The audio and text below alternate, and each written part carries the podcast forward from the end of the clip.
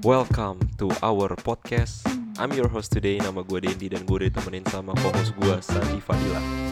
Yuk, Gue liat-liat baju lu keren banget nih saat. parah. Baju lu tulisannya apa itu? Ini bro, mentor yang lagi tenar banget sekarang. Jadi lu tim Han Ji Pyong atau Nam Dosan nih? Itu sudah jelas tim Han Ji Pyong. Kalau lu tim siapa Dan? Gue biar beda sama lu, gue tim Nam Dosan aja. Boleh, boleh, boleh. nah. boleh. Lu pernah gak sih lihat orang yang selalu ngikutin tren dari masa ke masa? Pas film 5 cm booming, langsung pengen naik gunung. Film filosofi kopi booming, langsung pengen nyobain berbagai jenis kopi. Dan kayak Sandi juga sekarang, TV seri startup booming langsung pakai bajunya bertuliskan mentor. Kalau iya, maka itulah fenomena yang kita sebut sebagai bandwagon effect. Nah, sebelum kita membahas lebih jauh tentang bandwagon effect, ada baiknya kita mengulik dulu ya sejarahnya kenapa sih bisa disebut sebagai bandwagon effect. Nah, tuh? bandwagon effect ini awal dikenalkannya itu pada pertengahan abad ke-19 di Amerika Serikat. Nah, itu mengacu kepada sebuah parade musik dan sirkus dan di situ terdapat sebuah kereta khusus yang membawa alat musik. Nah, kereta itu disebut bandwagon. Singkat cerita, karena kereta musik tersebut itu banyak yang suka gitu ya. Hmm. Sehingga banyak sekali kayak eh, brand-brand yang dipakai oleh selebriti di atas kereta tersebut dan akhirnya banyak banget orang-orang yang mengikuti Pakaian. ya pakaian dari selebritis tersebut. Hmm. Nah, di situlah makanya muncul sebuah fenomena atau sebutan ya istilah yang disebut sebagai bandwagon effect gitu. Gimana keren nggak sejarahnya? Keren, keren. Itu gua risetnya ya. panjang banget, bro. gokil, gokil. Nah, sebenarnya gue pengen ngobrol ini aja sih kayak tren-tren zaman sekarang yang menurut gua sebenarnya trennya sih nggak buruk-buruk banget gitu ya. Heeh. Tapi banyak banget orang yang akhirnya menyimpang dari tren tersebut sehingga malah merugikan orang banyak. Contoh, Gimana, gimana, gimana? contohnya nih ya, Hmm. misalnya kayak tren apa ya prank. Oh iya, prank, prank. Awalnya sih setahu gua Hmm. prank itu kan udah pasti dari luar negeri kan. Iya benar. ada yang settingan, ada yang mungkin gak settingan juga tapi masih dalam batas wajar. Iya, menghibur kan, Masih bercanda. iya menghibur bercanda-canda gitu. Sampai akhirnya ada prank-prank yang sangat meresahkan warga gitu. Contoh prank paling- apa dia Contoh meresahkan? paling ini, contoh paling bagusnya itu menurut gua adalah prank ojol. Yang apa namanya? Yang si ojol ini kayak disuruh beli makanan sejutaan lebih, Mm-mm. terus dikasih alamat, ojolnya datang, terus, Terus? dia bilang, enggak ini bukan saya yang iniin, enggak enggak saya enggak ini. Tapi pada akhirnya sih sebenarnya diinin sih, dibayar, Dibayar terus gitu ya? dikasih duit lebih gitu kan. Hmm. Cuman kan momen di mana ojolnya kayak merasa bahwa ah selama ini jadi duit satu juta gua ke mana nih? Gak ada yang mesen apa-apa gitu. Itu kan menurut lu gimana? Itu kan kayak iya prank sih prank gitu. Tapi kan tapi kan ya, tapi kan. iya ada momen ada momen di mana si ojol ini ngerasa kayak wah gila hilang raib sejuta gua gitu. Iya, iya, iya, benar, benar. Itu menurut lu gimana deh? Menurut gua itu dulu kan prank yang gua tahu tuh ini ya, prank bom.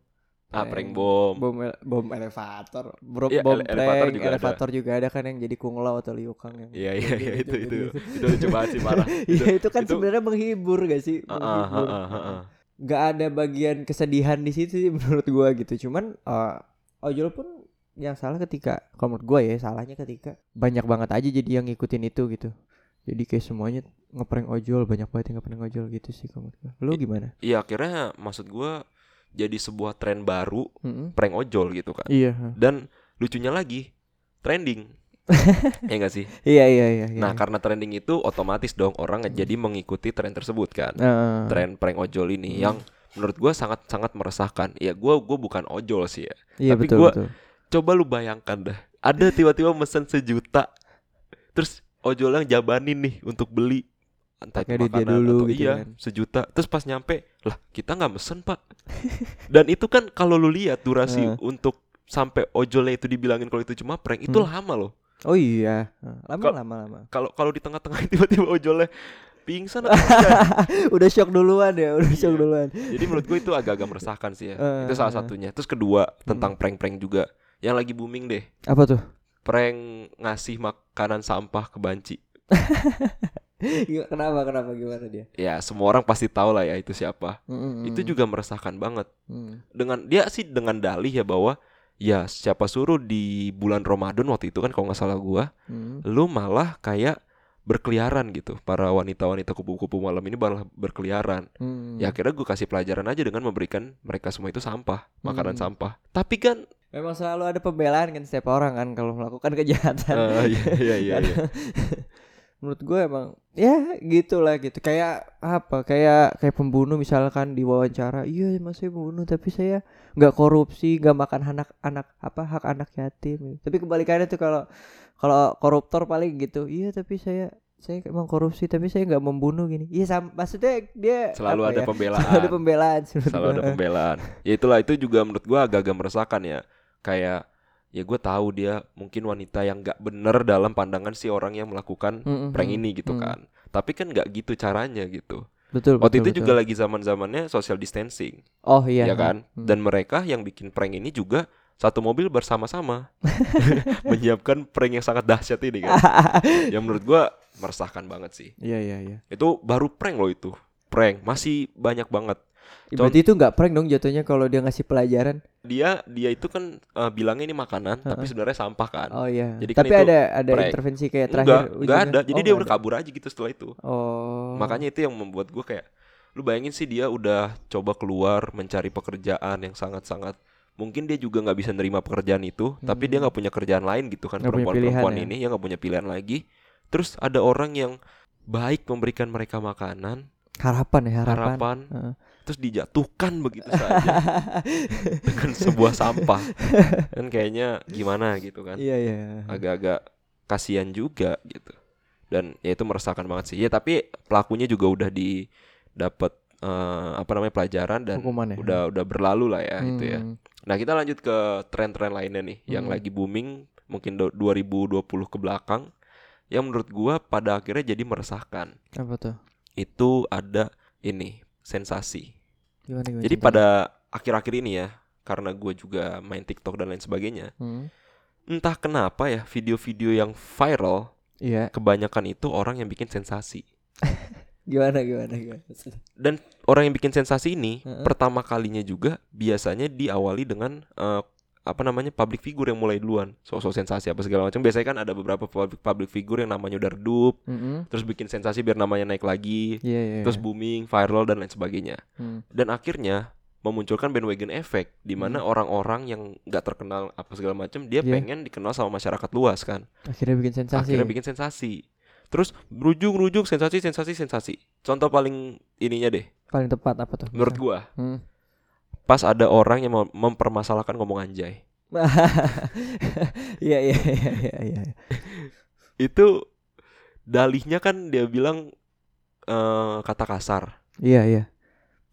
padahal kan gue juga nggak tahu ya dia dia mau pakai kata anjay pada saat eh, ngobrol itu pas kapan gitu ya karena kalau gua kalau gue pribadi nih, iya iya iya. ngomong aja kayak gue kemarin habis beli sepatu mahal banget 3 juta anjay Iya. Gua iya. gak pernah ngatain anjay lu, anjay, anjay.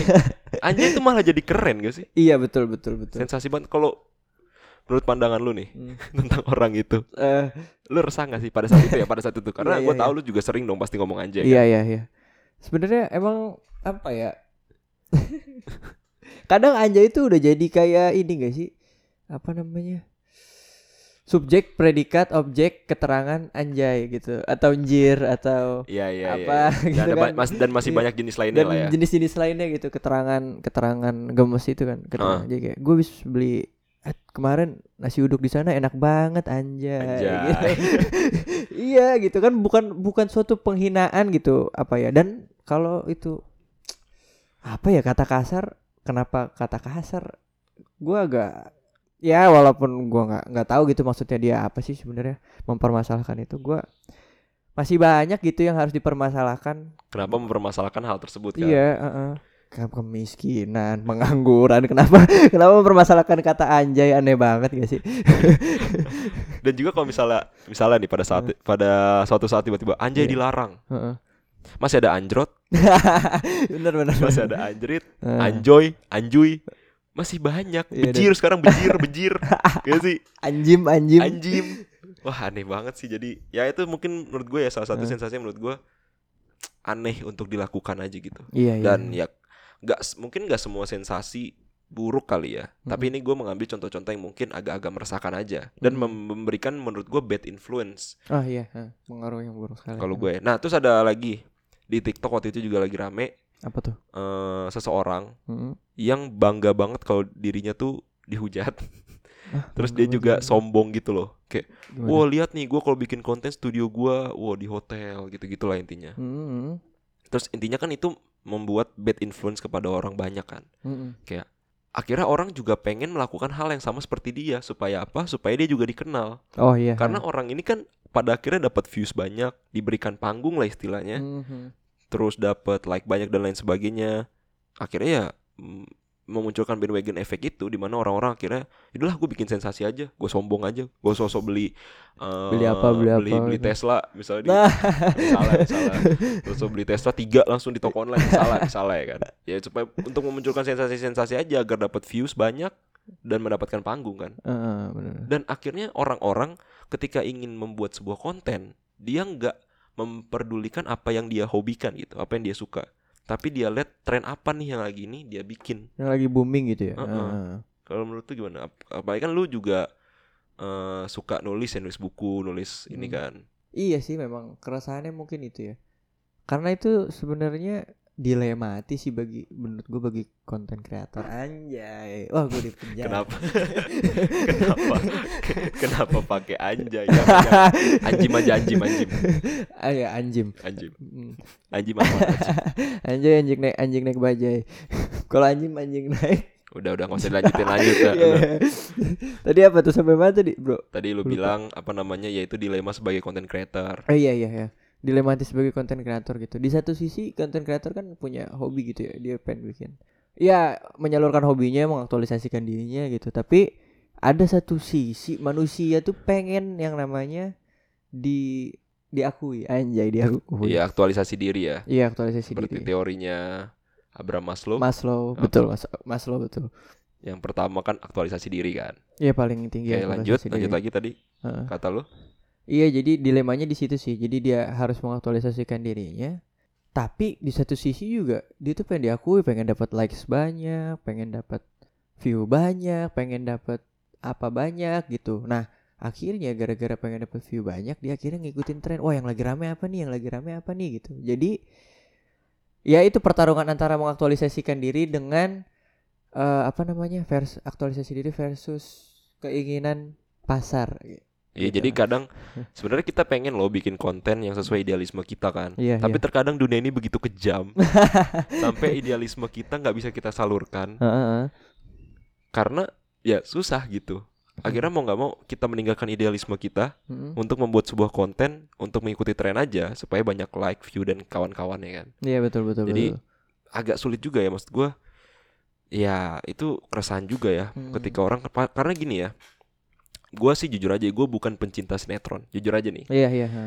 tapi karena sinetron ratingnya di Indonesia naik mulu Mm-mm. akhirnya formula yang sama di copy oleh channel yang channel lainnya gitu Mm-mm. eh, stasiun TV lainnya Mm-mm. akhirnya standar hiburannya itu karena Sinetron rating yang gitu iya ya? rating Hmm. yang tingginya adalah hiburan itu Mm-mm. Drama itu sinetron iya itu. drama itu nah kita ngomongin drama juga nih Kenapa tuh drama? ya tadi maksud gua eh, akhirnya standar hiburan di Indonesia khususnya Mm-mm. adalah ya yang rating tinggi itu tadi mungkin ini menurut gua ya ini Mm. ini apa namanya husnuzon gua nih gimana berpikiran gimana? baik gua Mm. mungkin stasiun-stasiun TV juga sebenarnya pengen banget kok nayangin-nayangin eh, konten atau tontonan-tontonan yang sebenarnya ber apa ya memberikan pendidikan gitu untuk orang banyak Mm-mm. tapi Mm. ratingnya tidak mengikuti dengan baik gitu Oh, nggak didukung nggak sama didukung. orang-orang iya ya masyarakat didukung gitu. jadi ratingnya kalau misalnya dia bikin konten-kontennya berpendidikan kok Mm. ratingnya turun Mm. akhirnya mau nggak mau kan idealisme mereka terbuyarkan Oh iya benar. dan akhirnya ya udahlah daripada daripada ntar kita bangkrut Mm. daripada kita pendapatannya kurang daripada ratingnya eh, kurang kecil udahlah kita bikin aja hiburan nih drama lagi nih kita kasih biar rame gitu biar ya. rame lagi Mm. Lagi baik lagi ya idealisme kita susah untuk diterapkan nyambung kepada mindset orang-orang Indonesia. Apa tuh mindset orang Indonesia? di mana? Kenapa ajaib banget ya? Kenapa kalau drama seneng banget? Dikasih pendidikan mager gitu. Kalau lu Iya, ngerti iya, iya. gimana lu Iya gue sepakat sih. Lucu aja gitu Kalau kita ya kalau urusan drama tuh lucu banget gitu. Maksudnya seru banget gitu. Kayaknya orang-orang tuh pada pengen tahu aja gitu. Iya, akhirnya ya ya gimana ya? akhirnya untuk orang-orang yang mungkin segelintir kecil ya, se Heeh. ya nggak banyak gitu ya. Hmm. Itu yang pengen mem, apa ya, yang pengen punya konten pendidik, yang pengen menonton gitu ya, Mm, konten-konten yang berpendidikan, nggak Mm. cuma drama nggak jelas gitu. Hmm. Malah nggak dapet karena ratingnya turun. Gue inget banget ada di salah satu stasiun TV swasta Hmm. itu dia kayak menayangkan sebuah uh, TV seri bukan TV series sih jatuhnya. Ya kayak series Iya. TV gitulah serial TV Hmm. tentang detektif gitu gue inget banget. Hmm, hmm. dan bagus menurut gue bagus. Bagus banget filmnya. Karena itu juga mengambil dari luar. Oh iya. Kayak kalau dari luar kan ada CSI apa oh iya iya. CIA apa gitu gitu kan. Nah terus dia mencoba untuk mengadaptasi itu dibuatlah versi Indonesianya Hmm. di stasiun TV-nya dia ini. Menurut gue bagus karena gue pencinta itu kan. Hmm, baru berapa episode kelar. Hmm, hmm, usut diusut ratingnya rendah. Padahal Kalau dilihat lagi Heeh. itu tuh bener-bener kayak mm, apa ya mem- membuat orang-orang yang nonton tuh jadi berpikir otaknya jalan oh iya dan lain sebagainya sehingga itu membuat menurut gua memberikan good influence gitu untuk orang-orang. Hmm. Tapi again baik lagi ratingnya rendah ini idealismenya buyar. akhirnya udah lah Akhirnya gua udahlah. ini aja lah Daripada gua bikin panjang-panjang, gua nyewa artis segala macem Udahlah gue bikin drama aja lagi. iya. Ya, Kayak akhirnya itu lagi yang viral, itu lagi yang viral. Dan orang Indonesia suka banget sama drama, kenapa ya? tapi gua iya sih gua skripsi gua anjay skripsi gua lagi, anjay lagi. skripsi gua lu. tuh tentang kayak gituan sih tentang informasi tentang kenapa orang kenapa sih orang demen informasi maksudnya tentang fake news sih gue ya lebih tepatnya Fake news. spesifik spesifiknya itu cuman Oke, gua kan tiga aspek tuh kognitif afektif sama dijelasin, dijelasin. Kognitif apa, afektif apa. Kognitif ya inilah. Jadi kalau kata Daniel Kahneman anjing. Daniel Kahneman kenapa anjing mulu gue lama-lama? Kayak kata Daniel Kahneman tuh manusia punya dua tipe berpikir kan intuitif sama analitik. Oke, ya kalau intuitif itu ya refleks apa reflektif dong? Apa intuitif tuh cenderung cepat. Mm-mm. eh, yang terin ya kalau analitik itu yang membutuhkan banyak sumber daya lambat dan lain sebagainya gitu. Nah orang-orang yang tipe intuitif itu apa masih jarang manusia yang menggunakan tipe duanya yang analitik itu nah kemampuan analitik itu berbanding terbalik lah sama fake news gitu jadi kalau analitiknya bagus ya berarti dia gak gampang Gak gampang kena hoax. Gak gampang kena hoax. Sama emosi ini sih. Emang berita itu kalau informasi apa pun ya, entah berita, entah apa pun, entah drama yang bisa membangkitin emosi secara kuat, baik positif maupun negatif ya. Positif kan kayak senang, negatif sedih Negatif, ya, misalnya atau ya, marah ya. atau Ah. apa. Tapi kalau itu bisa bangkit secara kuat, itu tuh orang bakal ingat semua, Bro, katanya. Oh, makanya itu drama Heeh. jadi lebih gampang diterima. Betul, betul, betul. Karena kuat gitu. Makanya kan kadang kalau kita nonton drama di Indonesia ya, suka ada yang mainin emosi suamiku adalah Iya, apaan apaku gitu. Itu kan mainin kan kayak sok-sok plot twist gitu tapi ketebak aja. iya sih. Gua gua juga dulu pas kecil nonton itu. Pas gede gue nyesel gitu. Kenapa gue nonton itu? Pacarku gembel di pasar. Misalnya, salah misalnya. Iya, iya. Kata gue gembel cakep banget. Tapi kok gembel cakep gitu. Aneh-aneh banget sih. Oh, that's why makanya kenapa drama lebih bisa gampang diterima karena Hah? lebih ke emosional gitu ya. Betul, betul karena Oh, emosinya oke. kuat banget gitu. Pantesan ya. Berarti secara nggak langsung Hmm. orang-orang Indonesia masih belum masih sulit lah intinya. Bisa, masih lagi ngarah ke situ Hmm, karena kita negara demokrasi pasti bisa lah ya. Hmm. Tapi belum sampai ke titik di mana orang-orangnya itu lebih banyak yang menggunakan analitik ya Betul, betul. dibandingkan tadi apa? Intuitif, Intuitif. dan emosinya gitu. Oke. Pantesan ya drama kata gue gampang banget diterima. Nah, selain drama nih, Hmm. ada juga yang lagi tren dan akhirnya malah melahirkan sebuah tren-tren baru yang drama juga sih itu kan sebenarnya, Apa tuh? tapi agak meresahkan Gimana gimana? tentang horor-horor, Bro. Horor? Iya, konten-konten horor. Gimana gimana? Eh, personally ya, gue gue tuh seneng banget sama konten-konten horor. Gue nonton channel-channel YouTube yang gue tau kayak Ewing HD, ada Hmm. Nancy Judge, ada Top 5 Nook dan kawan-kawannya. Hmm. Yang gue seneng banget nonton konten-konten horor. Hmm. Akhirnya banyak orang yang mengikuti untuk bikin konten itu, Hmm. tapi mencari, tapi eh, kayak apa namanya, menghalalkan segala cara. Kalau kata Ewing Hmm. di channel YouTube-nya itu halu. Halu, halu gimana? Halu? Contohnya nih misalnya tiba-tiba ada tiba-tiba lu sosok indigo. Di sono ada hantu. Di belakang gua hantu. Buset hantu semua. kan? Ini dunia kita dunia hantu gitu. Jadi Iya, jadi dunia hantu ya. iya makanya jadi kayak akhirnya melahirkan orang-orang yang halu, Mm-mm. orang-orang halu, orang-orang yang sok-sokan bisa ngeliat.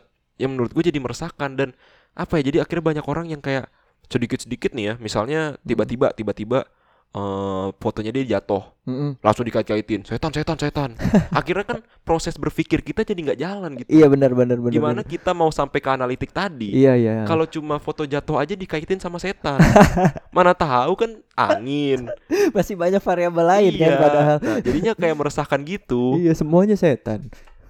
Padahal ya, ya itulah makanya agak agak agak meresahkannya di situ menurut gua Eh, karena eh, konten horor ini awalnya sih biasa-biasa aja ya. cuman Iya, iya. lama kelamaan kan orang suka masalah artikan kan hmm. gerak dikit oh setan setan setan bangun bangun bangun ada lebam setan setan setan setan mulu kan kasihan juga kadang-kadang. Iya iya iya iya. Iya, Iya, gue juga orang yang suka sih sama konten horor gitu karena lucu aja kan.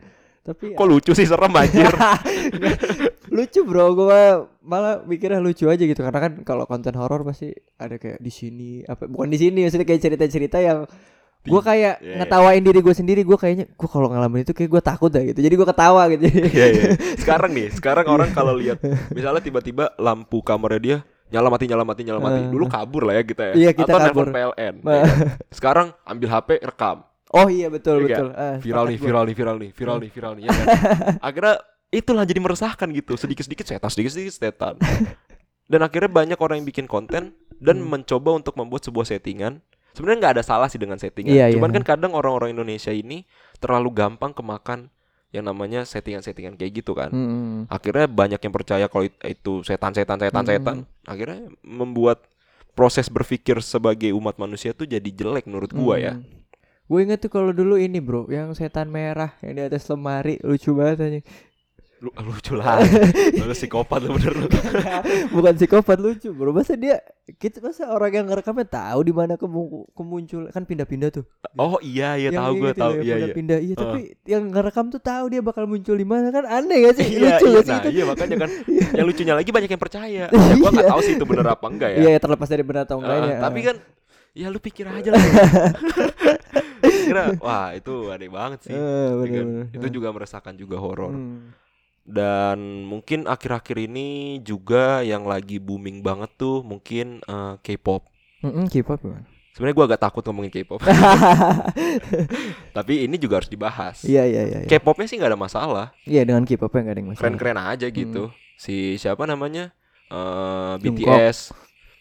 Namanya namanya Jungkook. gua nggak tahu sih ya, mungkin ada yang gua tahu ada RMV dan kawan-kawannya, Ah, iya, iya, ada. Blackpink, Lisa dan lain sebagainya. Mereka bagus-bagus saja. Hmm. Dan pada awalnya fansnya bagus-bagus saja. Terkadang Mm-mm. banyak orang ini jatuhnya ke fanatisme juga sih. Mm-mm. Orang-orang yang mengikuti tren untuk suka sama K-pop, Mm-mm. tapi karena terlalu fanatisme, Mm-mm. akhirnya dia kayak membuat atau merasa atau berpikir gitu ya kalau musik selain K-pop jelek bahkan di TikTok gua inget banget ya Mhm. ada orang bikin konten gitu buat apa orang cuma manusia doang yang nonton BTS pokoknya gitulah C- cuma manusia doang. Jadi yang intinya- lain apa? Oh iya. nah itu jadi intinya kayak oh berarti kita kalau bukan kalau kita nggak kalau kita nggak nonton BTS berarti kita bukan manusia dong dan lain-lainnya Eh, Nah, tapi kebanyakan sih kalau gue lihat-lihat fenomenanya K-popers K-popers ini yang nggak jelas itu menurut gua hmm. kebanyakan sih anak di bawah umur yang masih butuh bimbingan oleh K-popers K-popers senior lagi. Oh iya ya, sama abang-abangannya gitu ya. abang-abangan ya, abang-abangan. Nah, itu juga menurut gue meresahkan banget fanatisme-fanatisme itu menurut Hmm, gue sih. hmm. Jatuhnya kan ke situ kan. Walaupun kita nggak ngebahas itu Iya, ya, tapi iya, iya. intinya tren untuk menyukai K-pop akhirnya membuat seakan-akan kalau orang nggak nggak dengerin K-pop lu nggak asik gitu-gitu dan lain Lu nggak ikut sebagainya. perkembangan zaman gitu. Iya lu gitu nggak ya. ikut perkembangan zaman gitu-gitu Heeh. kan meresahkan juga gitu kalau menurut gua Iya iya iya iya. ya nggak sih Heeh. dan akhirnya banyak banget fandom-fandom yang akhirnya jadi berantem pas segala macam cuma karena membela idolanya. Padahal idolanya masing-masing idola tuh temenan gitu. Gak ada yang berantem yang dari situ gitu. Iya. Wah aneh banget sih. Apa yang dia berantemin dong jadinya dong. Makanya itu dia. Karena kan gue juga gue kan eh, sedikit info gitu ya. Gue kan di Hmm. TikTok kayak ngomongin soal anime dan lain sebagainya. Hmm. Itu kocak banget sumpah. Kenapa? Kayak eh, BTS BTS Army Army ya namanya Army. Gua nggak ada masalah karena adik gue pun juga Army gitu. Hmm. Dan gue wibu it's it's normal thing kan biasa Hmm, aja gitu. Biasa aja. Tiba-tiba ada aja bikin konten. Hmm. Buat lu yang nonton anime itu cuma kartun, nontonlah BTS. Kalau lu dewasa tuh lu nontonnya BTS jangan anime. What the fuck kata gua. gua nggak pernah lihat Al eh, Albert Einstein. Gua nggak pernah lihat eh, siapa ya Jokowi dah misalnya presiden kita gitu. Hmm. Kenapa Jokowi? Kurang dewasa apa kan presiden Iya Jokowi? iya tuh? bapak negara gitu. Bapak negara kan. Tiba-tiba nonton BTS gitu gua belum pernah lihat. Jadi di mana pikiran lu kalau lu dewasa lu nonton K-pop? Nah, itu yang meresahkan menurut gua. Apalagi dia ngebandingin gitu kan. Iya, ngebanding-bandingin itu. eh. Kayak lu nonton anime itu tontonan bocah gitu. Wah, aneh banget sih. Sebenarnya gue sih gak masalah sih dan kalau gue nih gini nih. Kalau gue nih mikirnya ya, Ya. gue kayak lu suka sama K-pop gitu, lu suka sama siapa ya? BTS gitu-gitu. Sebenarnya nggak ada yang nggak ada yang masalah gitu dari hal itu gitu. Heeh. Sebenarnya ya lu suka ya nggak masalah lu mau suka apa kek. Yang jadi masalah kan ketika dia maksain seleranya dia itu ke orang lain gitu. Apalagi sampai ngejelekin yang seleranya beda gitu. Kayak Iya, iya. Ya nggak sih Eh, selera lu dibilang nonton anime bocah lah gitu. Kenapa jadi bawa-bawa selera orang lain gitu? Iya, Padahal itu kan iya, preferensi iya, aja iya, gak sih? Iya, ya itu itu bener sih gua gua suka poin lu di mana eh, ketika yang yang jeleknya itu ketika lu fanatisme terhadap suatu hal gitu. Heeh. Dan di mana itu pada pada berawal dari ngikutin tren gitu Iya ya. iya. heeh. Justru lu malah menjelek-jelekan inian orang lain lah ya. Iya iya. kesukaan iya. orang lain. Kesukaan orang Padahal lain. ya lu fokus aja sama kesukaan lu. Iya ngapain ngurusin orang lain? Iya gitu. Heeh. Gua agak-agak resah di situ. Mm. Bandingin no. Einstein. iya ya, Albert Einstein dewasa banget loh. Pada zaman itu belum ada K-pop K-pop. Tapi dari semua tren-tren yang tadi kita udah sebutin ya San, Iya, iya gimana? nggak nggak adil dong kalau kita nggak menyebutkan tren-tren yang bagus. ya Hmm, kan? Yang- apa tuh misalnya? Dari tadian kita udah resah resah resah, kayaknya yang yang dengerin juga kayaknya iya ya semuanya kayak buruk di dunia ini kan nggak boleh dong, Iya, iya, nggak nggak nggak seimbang. Nah se- sebenarnya ada juga tren-tren yang menurut gue bagus di saat-saat sekarang, apalagi di saat pandemi adalah yang pertama nih, Apa tuh? sen eh sen lagi tren eh, olahraga atau diet lah, barengan Oh, olahraga oh. dan diet. Oh iya iya iya. Kan semenjak covid kan akhirnya banyak orang yang bersepeda, Hmm, hmm, terus semenjak covid juga banyak akhirnya orang yang memulai untuk workout, hmm. diet dan lain sebagainya. Walaupun buruk-buruknya tetap ada, Hmm, hmm. tapi menurut gue lebih ke positifnya sih. Iya iya iya. Kayak lu kalau misalnya workout, ya lu bisa dapetin badan yang ideal, Heeh. lu bisa menjadi lebih sehat lagi ditambah dengan diet yang harusnya sih tepat, Heeh. ya kan? Karena bisa juga lu ngikutin tren diet, eh salah diet tuh juga bisa banget kan. Iya iya iya. Terus lu tren lu bersepeda juga bagus tapi kadang suka meresahkan juga. Memang sebenarnya ada baik dan Gua buruknya sih. resah itu sepeda tuh. Tapi lu resah sepeda kenapa emang? Iya dia soalnya sepedanya bareng-bareng terus nguasain jalanan. Oh iya. Itu PR banget gak sih? Iya. Ya kayak terus kayak gitu-gitu kayak berasa lu doang dan dan gerombolan lu udah yang boleh pakai jalanan gitu teman-teman lu naik sepeda gitu. Padahal karena kan eh, kalau apa ya mungkin wawasan jalanan kita ya wawasan jalanan kita bahwa yang lebih besar itu harus le- harus apa ya bahasanya ngelayanin yang lebih kecil gitu kayak misalkan truk itu harus ngedahulu eh, harus mem- memperhatikan mobil yang mobil pribadi atau motor gitu mobil Oke. harus memperhatikan motor dan motor harus memperhatikan sepeda gitu jadi ya nggak sih kita harus eh, bukan Iya, iya, ngelayanin iya. apa ya tenggang rasa ya toleransi Ya atau apa toleransi lah, toleransi. iya toleransi gitu nah sepeda mentang-mentang ditoleransiin gitu sama motor Oke, gitu iya iya iya. dia iya. dan gerombolannya seenaknya gitu sampai ke tengah jalan bro gue pernah naik motor. Oke, iya. dia di tengah jalan ngalingin jalan gue terus gue klakson dong. Terus dia Ah. marah-marah sama gerombolannya gitu. Yang sabar dong gitu. Kata dia gitu. Kok yang sabar dong? gitu. Terus gue mau lewat mana? Mau lewat jalur kanan ya? Gue ditilang dong. Jalur kanan lawan arah dong. Ya dong.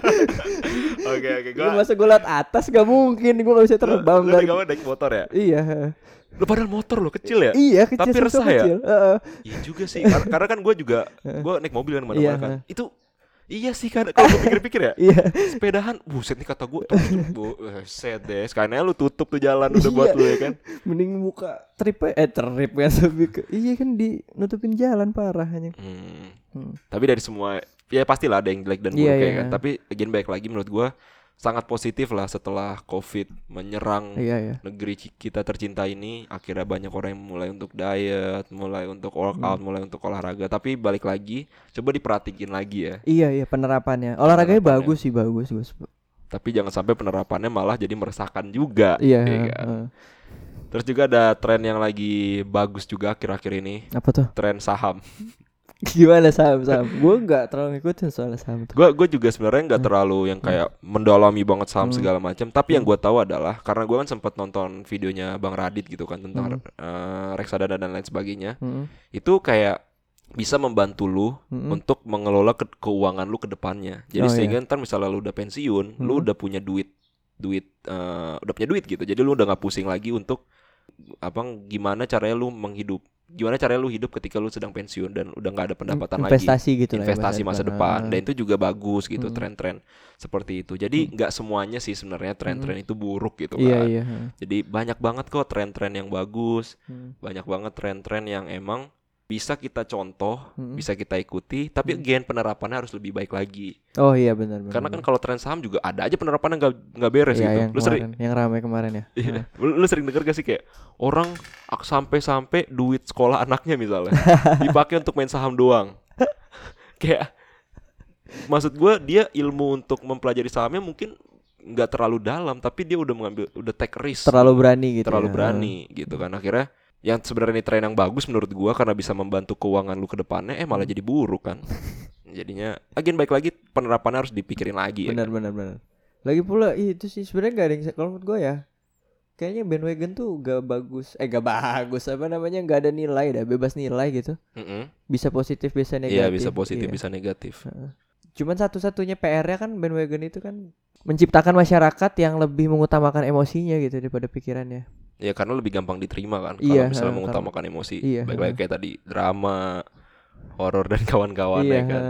Kan kalau horor bikin bulu kuduk merinding gitu Nggak otaknya nggak jalan Bulu kuduk emosi aja kan yang jalan takut gitu Iya iya tapi ini fun fact juga ya. Iya Gue sempat waktu itu live di TikTok Hah? ngomongin horor gue. Heeh. Harusnya kan gue ngomongin tentang anime kan. Gue Iya. ngomongin horor. Rame yang nonton. Sampai-sampai bang setiap malam Jumat tuh live horor. ya Allah.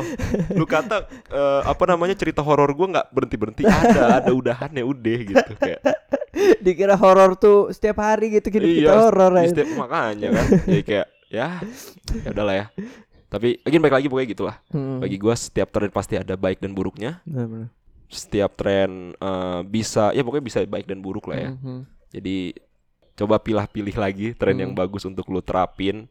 Dan juga pesan gua kalau misalnya lu pengen bikin sebuah konten, Hmm. berangkatlah dari eh, apa ya kesukaan lu lah. Jangan cuma ngikutin tren doang ya kan. Mantap, mantap, mantap. Gue sepakat bro itu bro. gue masih ngeliatin baju lu sih tulisan mentor keren.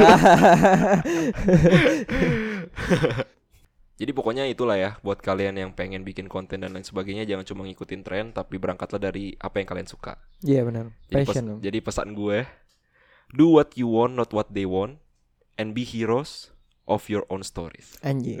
Ngeri ngeri. Anjay, ngeri. anjay. Oh ya anjay. Tepuk anjay. tangan dulu dong, tepuk tangan gokil.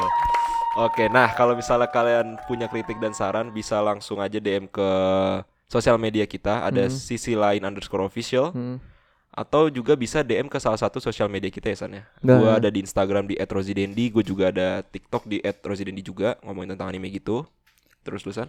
Gue di IG ada Sandi F official, Twitter kata Sandi. Wis kata Sandi. Keren keren keren. Pokoknya kalau misalnya kalian Bang pengen ini dong bahas bahas ini dong bahas itu dong langsung aja DM ke sosial media kita ya. Boleh boleh boleh. Mantap. Oke, pokoknya akhir kata gue mengucapkan terima kasih banyak udah dengerin sampai sekarang. Semoga kalian bisa mendapatkan ilmu yang bermanfaat, bisa terbuka pikirannya, bisa lebih analitik. Anjay ngeri banget. Oke, pokoknya terima kasih banyak udah dengerin and see you next time guys. Bye bye.